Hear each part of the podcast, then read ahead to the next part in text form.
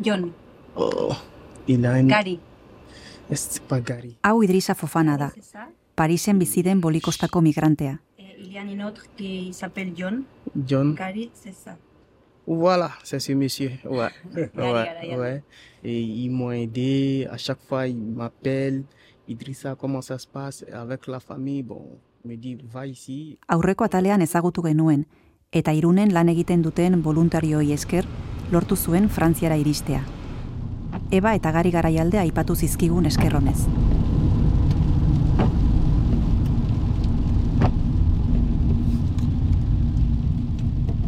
Gaur igual, jendarmeak egongo dira gordetan. Euriarekin, no? Igual gaur ona, egun ona pasatzeko. Gari fotokazetaria da.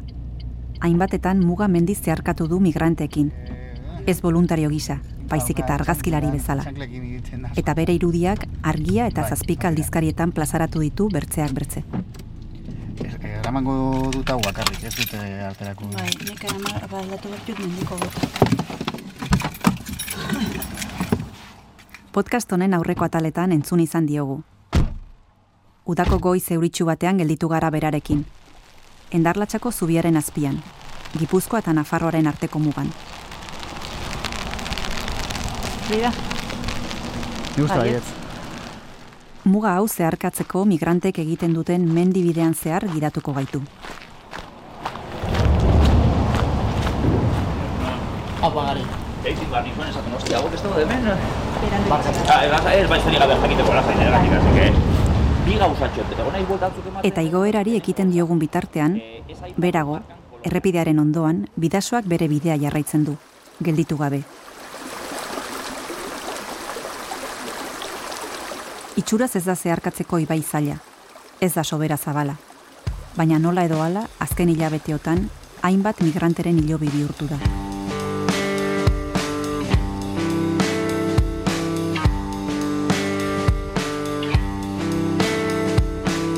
Kristina Tapia naiz, eta hau arres ikusi zina podcastaren bosgarren atala da.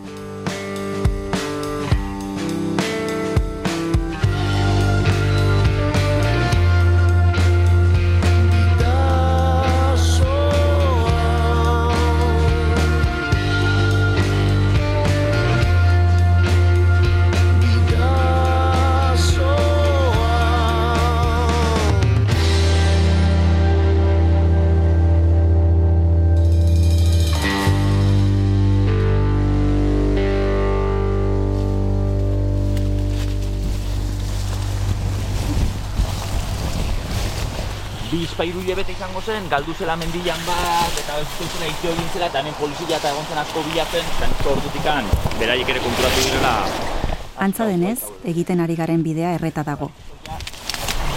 mendian baten bat galtzen zen bakoitzean, e, kontuz eta bila daukazu oso luze. Zintzilka, bai. Gaur egun migranteek ez dute erabiltzen, baina ziur asko berriz erabiliko da etorkizunean. Geratzen zaude? Bai. Bai, gauden darlatzako zubizarrean, e, egontzen momentu bat, e, migranteak hasi zila erabiltzen, e, bestaldera pasatzeko, muga pasatzeko, e, bueno, e, beti esaten dugu, ibiltzen dira bide alternatiboak bilatzen, ze bide bat e, egiten duten bakoitzean, e, poliziak arra- bide hori harrapatzen baldin badu, bide alternatiboak bilatu behar dituzte. Eta momentu batean hasi ziren, menditik pasatzen. Eta menditik, bueno, jende asko pasatu izan da mendik, ze hau erabili izan da, e, kontrabandorako, hau erabili izan da, e, kometzareak, gaina hain markak ere ikusko ditu kometzareanak, kometzareak erabiltzen zuen iparraldetik ego, e, hegoaldera pasatzeko, bigarren gerra mundialean, e, irurogeita, irurogeita markarren amarkadan Kometzareak erabiltzen zituen bide berberak ari gara ibiltzen. Bigarren mundu gerrako ieslariek naziengandik ies egiteko erabili zituzten bideak. Gaur egun beste ieslari batzuen iesbide dira. E, Behar bada ba, kasualitatea da. Behar bada Bai, ez. arrasak informazioa dut, eta gaina azkenian, zaut, lau urte dara matzate gudakigunez e, pasatzen, oza, e, oain dela lau urte konturatu nien horren beste jende zegola, harrera sarea gutxi gora bera lau mila edo bost mila lagun laguntzen du urtero, lau urte dire, hogei mila lagun. Oso esaten da, baina hogei mila lagun. Hogei mila lagunek egindako bidea bestei kontatzen diete. Orduan, e, bueno, ba, kontatu egiten da, pasatu egiten da, e, informazioa ematen da, beti dago jendea laguntzeko prest. Hemen. Kasu, eh? hau da zatirik eh, arriskutsua ez, baino irristakorrena edo hau izan daiteke. Bai. Ba, Gainera mikro, mikroarekin. Hori gorde igual orain. Bai, igual hau horreko. Hau. Pertsona migrariek elkarri pasatzen diete informazioa. Endarlatxako komet sarearen bide hau adibidez. Poliziarik gabeko bide historiko honek zeharkatzen erraza dirudi, baina ez da, inondik inora. Ikusten ez diren beste muga batzuk daude antza. etortzen dire oso ukituak, ze gainera askotan bera ikuste dute ja Europan daudela, eta listo, bukatu da. Eta da honen etorri eta beste muga bat. Eta gaina muga bat, beraientzako oso arraroa, ze ez, da, ez dago esirik, ez dago polizirik e, zaintzen, baino egiten zaie oso zaila muga pasatzea, eta ez dakite zeintzu diren muga pasatzeko armak. Besteak badakite, e, pagatu eta kaiukoan pasa, e, poliziari pagatu da polizia iskin egin, hemen ikusten dut ez dagoela e, esirik eta ez dakite nola egin. Oan dirudez beraientzako nik hasieran esaten nien, eta pentsatzen jode, ba, oso muga harina da. Eta dirudez beraientzako psikologikoki oso muga gogorra.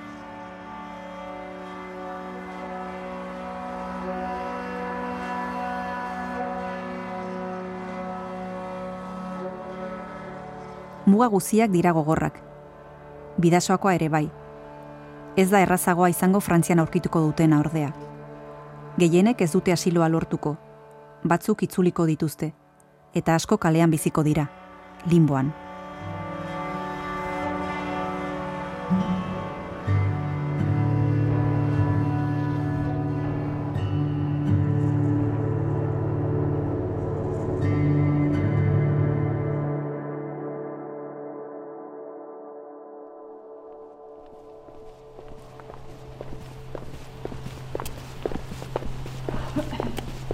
Baionan gaude. Francisco Rodríguez abokatua ezagutzera etorri gara.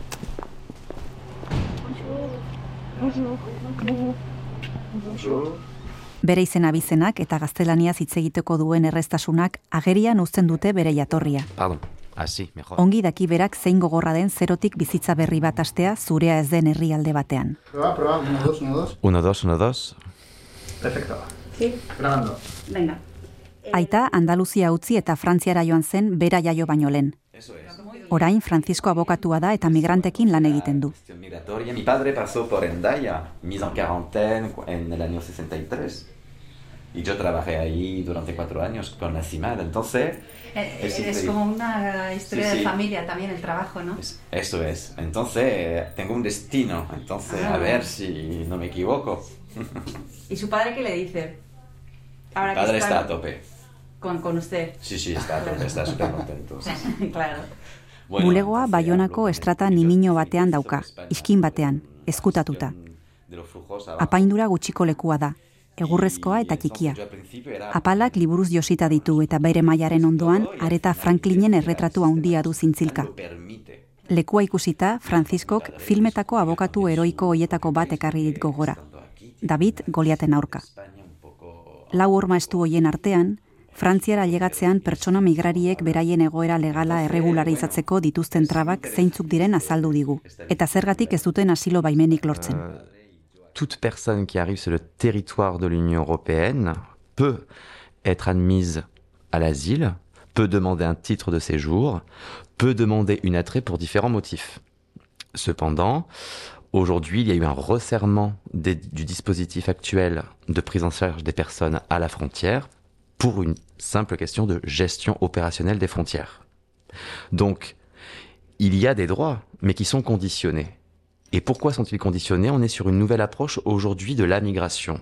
La règle imposée depuis 1951, c'est de dire que toutes les personnes forcées de quitter leur propre pays sont des réfugiés jusqu'à preuve du contraire. Avec cette logique-là, celle de la Convention de Genève, qu'est-ce que cela veut dire en pratique? C'est que les personnes qui arrivent sont présumées être des réfugiés. Donc on développe des mécanismes d'accueil. Toutes les personnes qui arrivent sont présumées irrégulières jusqu'à preuve du contraire, ce qui fait que les États développent des mécanismes coercitifs de rétention spatiale des exilés. Prenons le cas de Ceuta et Melilla. Francisco Rodríguezek garbi azaldu digu. Donc, Legediaren oinarrizko printzipio guzien aurka, pertsona hauek hasiera hasieratik errudun gisa tratatzen ditugu. Ez harrera eta asilo eskubideak dituzten errefuxiatu batzuk bezala. Kanporatze eta baztertze mekanismoak aplikatu behar zaizkien migrari irregularrak bezala baizik. Hitz batean esateko, atzerritarrak dira. Arrotzak. On parle des étrangers, extranjeros. Un étranger, c'est quoi C'est une catégorie administrative de personnes qui ne sont pas des citoyens au sens du droit constitutionnel. Mais ces personnes qui arrivent, ce ne sont pas des étrangers, ce sont des exilés, c'est-à-dire des personnes qui sont forcées de quitter leur propre pays. Et il y a aussi des réfugiés. Ce sont des personnes qui sont forcées de quitter leur propre pays pour des motifs de persécution. Ils ne sont ni exilés, ni réfugiés, ce sont des personnes non grata qui, de par leur existence, ne répondent pas aux exigences posées par les textes.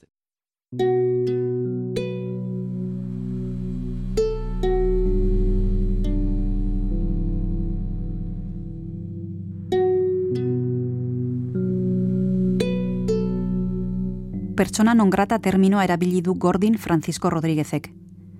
Barrua astintzen digu terminoaren gordintasunak. Inork nahi ez dituen pertsonak. Honen jatorriari buruz galdetzean, abokatuak garbi du nondik sortzen den migrarien kontrako aurkakotasun hori, beldurretik. L'inconscient collectif français euh, méconnaît sa propre histoire et méconnaît son propre avenir, puisqu'aujourd'hui ces personnes sont ici. Ces personnes sont ici, certaines peuvent bénéficier d'un titre de séjour, certaines peuvent bénéficier d'une admission au, séjour au titre de l'asile. Nous essayons voilà de rétablir cet équilibre en disant aux personnes, y compris aux magistrats, mais vous avez peur de qui? De monsieur. Non, vous commettez une erreur en expliquant pourquoi aujourd'hui on ne peut plus accepter euh, cette vision de, de, de l'exilé comme un danger.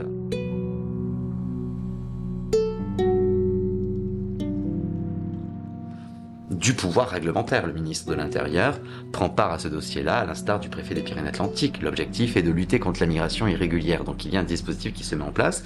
C'est politique, c'est juridique et c'est souhaité. Alors pourquoi c'est souhaité? C'est toujours cette même idée de peur de l'autre. Donc ces personnes-là qui arrivent sur notre territoire euh, peuvent créer des désordres euh, sans qu'on puisse les identifier. Donc il y a un dispositif souhaité et je pense que tout le monde en a conscience.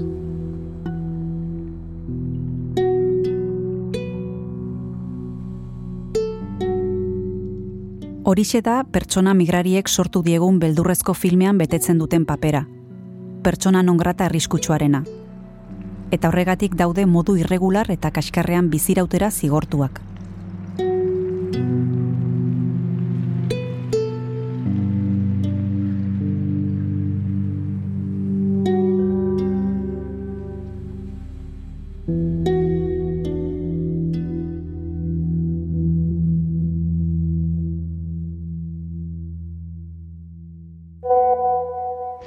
Hi, Christina. The camp and the demonstration is kind of the same thing because the, the demonstration is in the form of a camp which means that we well, Pertsona non grata unitz daude hemen. Gari garaialdek zioen moduan, migrante gehienen helburua Paris da. Eta ona etorri gara. Frantziako hiriburuan lan egiten duen Utopia elkarteko komunikazio arduradunak, Nikolai Posnerrek, bi voluntarioren kontaktuak eman dizkigu. Ilonakuk eta Liz Bertrand, bi emakume gazte hauek ongi ezagutzen dute migrarien egoera.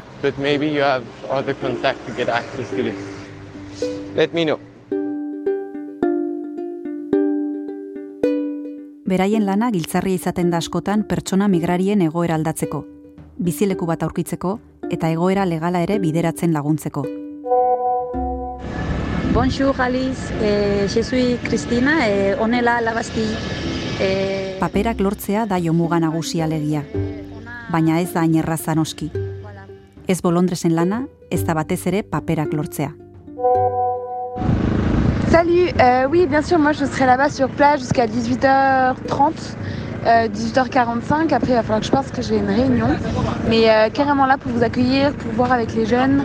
Euh, il y aura aussi une autre référente qui prendra euh, la suite après. Mais euh, carrément, carrément dispo. N'hésite pas.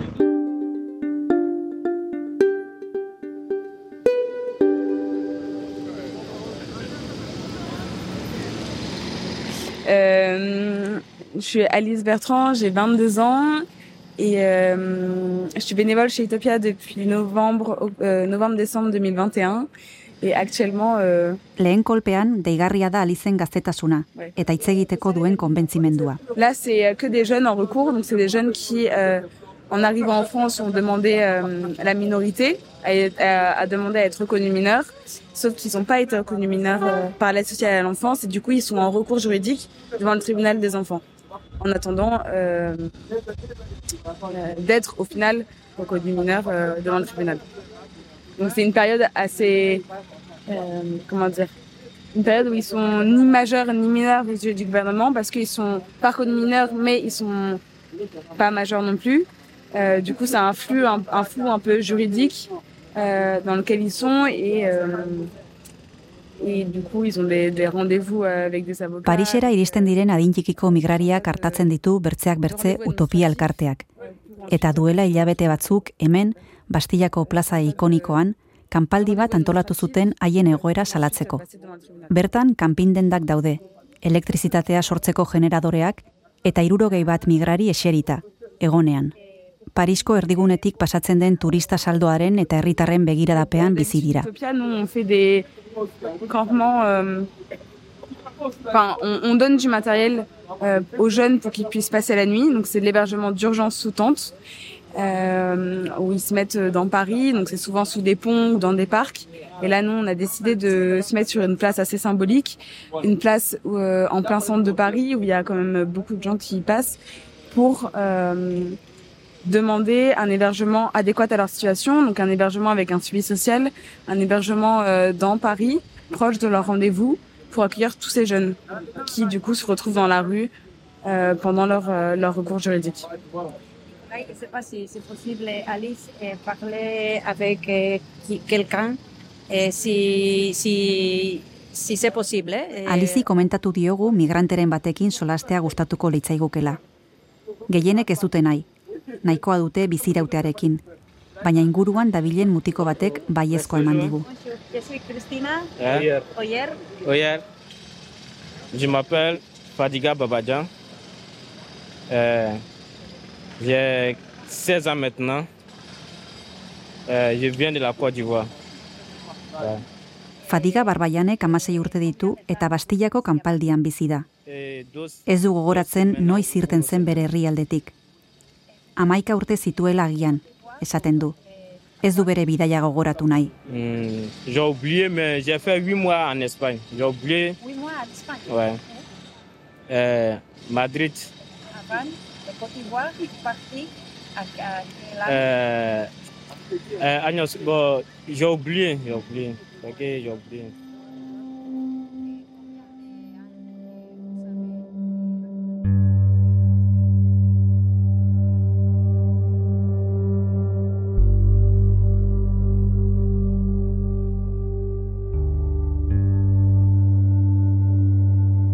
Behar bada, horrelako kasuetan, norberaren burua babesteko bide bakarra izan daiteke ahanztura.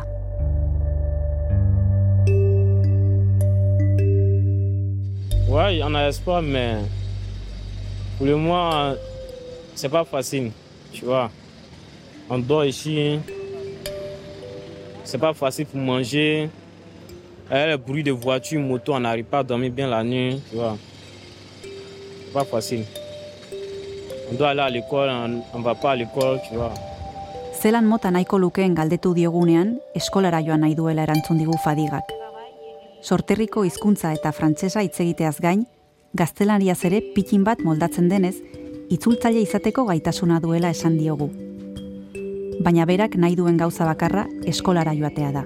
Pour être euh, traducteur Traducteur. Oui. Bon, pour le moment, je ne sais pas d'abord, mais je vais aller à l'école d'abord et puis après. Ben, je ne sais pas c'est quoi qui est bon pour moi d'abord. Il faut que je parte à l'école. Voilà. Merci.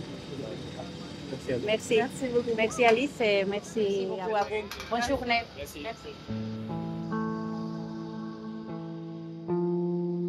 Ametsetako Paris, amesgaizto bihurtzen da iristen diren gehienentzat bere kale arrotzetan limboan bizitzera kondenatuta dauden hoientzat.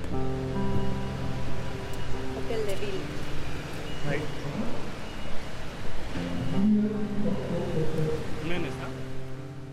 Bastillako plaza utzi eta udaletxeko plazara joan gara.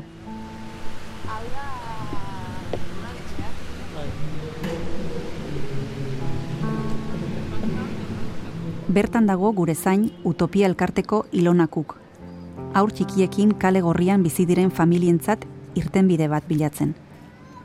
Familia asko daude, telefonoa sutan du voluntario gazteak, eta leku batetik bertzera dabil. Ez du astirik gurekin hitz egiteko.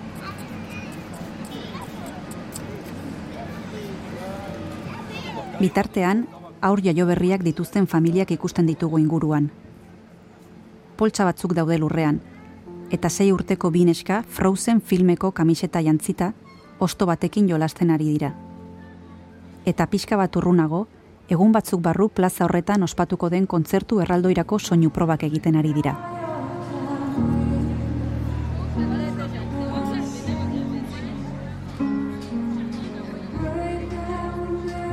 Ilona Cook, Bolondresa. Et du coup, euh, c'est- en fait, c'est le rendez-vous tous les soirs avec les familles à 18h, place de l'hôtel de ville. Et euh, voilà, on les familles, elles savent qu'on est là, on les enregistre. En fait, on fait des fiches sur euh, WhatsApp avec à chaque fois le numéro de, d'enregistrement, euh, le nombre de personnes, le, leur nationalité, les enfants, si elles ont appelé 115, parce que c'est assez important quand même, parce qu'il y a des familles parfois qui viennent ici, elles ont une solution 115, et en fait parfois le 115 n'envoie même pas de message. Donc on peut checker ça et nous après on leur envoie des messages quand ils ont une solution. C'est important qu'ils y aillent. Et, euh, et on les oriente aussi le lendemain matin. Par exemple par rapport à leur, en- enfin par rapport à leur situation administrative. Si, si les familles primo arrivantes sur le territoire français, Situazion administratif. Egoera administratiboa. Zein hitz hotz eta gogorrak. Parean duguna ikusten ari garenean. Hemen dauden gehienek ez dute lortuko telatupean lo egitea. Eta zubien azpian dituzten kanpamenduetara bidali beharko dituzte. Euh, ça peut dé- dépendre des jours. Par exemple, hier, on était à peu près à 40 familles hier soir. Et en fait, on a, malheureusement, on a eu très peu de solutions. Donc en fait, on a dû installer un campement avec 39 tentes hier soir. Donc c'était... euh, non, non, c'est pas ici qu'on installe le campement. Il est euh, porte de fin vers Bagnolet, entre Montreuil et Bagnolet, sous un pont. Et euh, du coup, euh, du coup, voilà.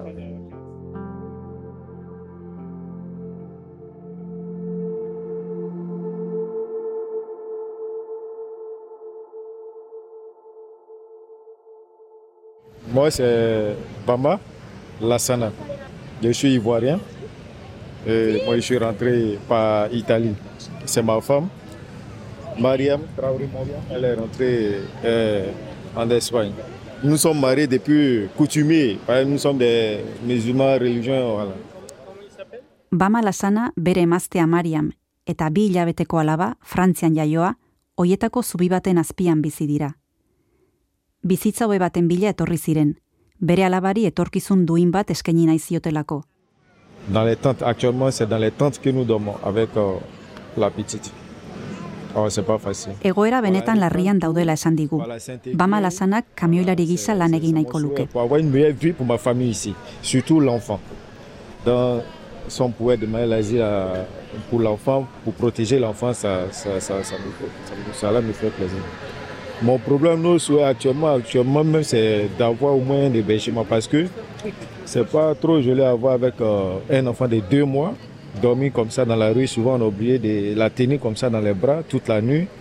Et actuellement, où je vous parle, dans ces deux jours, elle pleure beaucoup parce que les courbatures, le fait qu'on la traîne un peu partout, on ne dort pas bien, il n'y a pas matelas. C'est les draps qu'on met sur le sol pour se coucher. Même grande personne, ça te fait mal, les courbatures un peu partout. Donc, nos souhaits, c'est vraiment, mon souhait, c'est d'avoir une meilleure vie pour ma famille ici en France. Bizitza bat familiarekin. Baina badago egoera hau aldatuko denaren esperantzarik? Arresia bere horretan mantenduko da betirako? Ala badu arrakalarik. Onerako aldatuko da egoera? Ala txarrerako. Zein da etorkinen etorkizuna? Urrengo atalean, Eta, bueno, ba, bakoitzak bere alorretik egiten du egin lezakena, eta nik sinisten dut e, gutako bakoitzak zerbait egin dezakela, oezakat esperantzaik nik politikotan egia esan. Gauzak aldatzeko eta esperantza dakat jendean gan. Esperantza, bai, borrokan jarraitzeko, ze bestela ez nuke eh, borrokan jarraituko, baino, baino hola, esperantza guzti hau konponduko denarena momentuz behintzatez. Edo kontzen guk ez dugu ikusiko, baina bueno.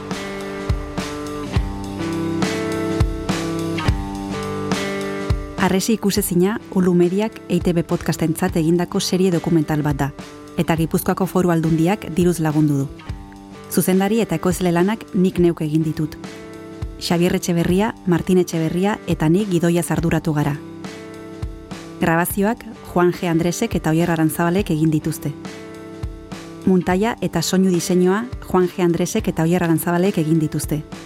Silvia Tapia Buizik itzultzaile lanak egin ditu, eta sintonia gisa erabilitako kanta, bidasoa, Willis Drummond taldearena da.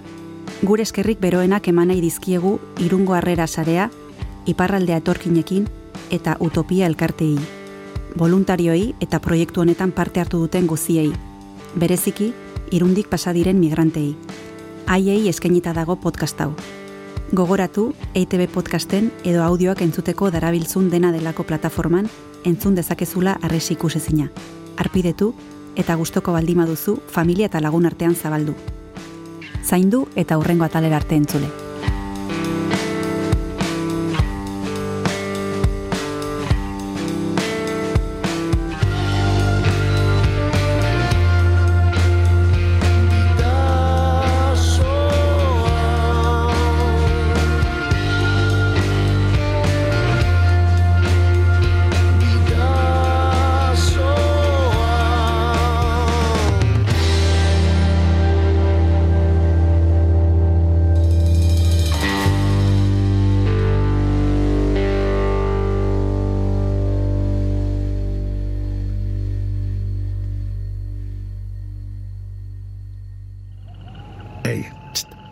Entzun hori.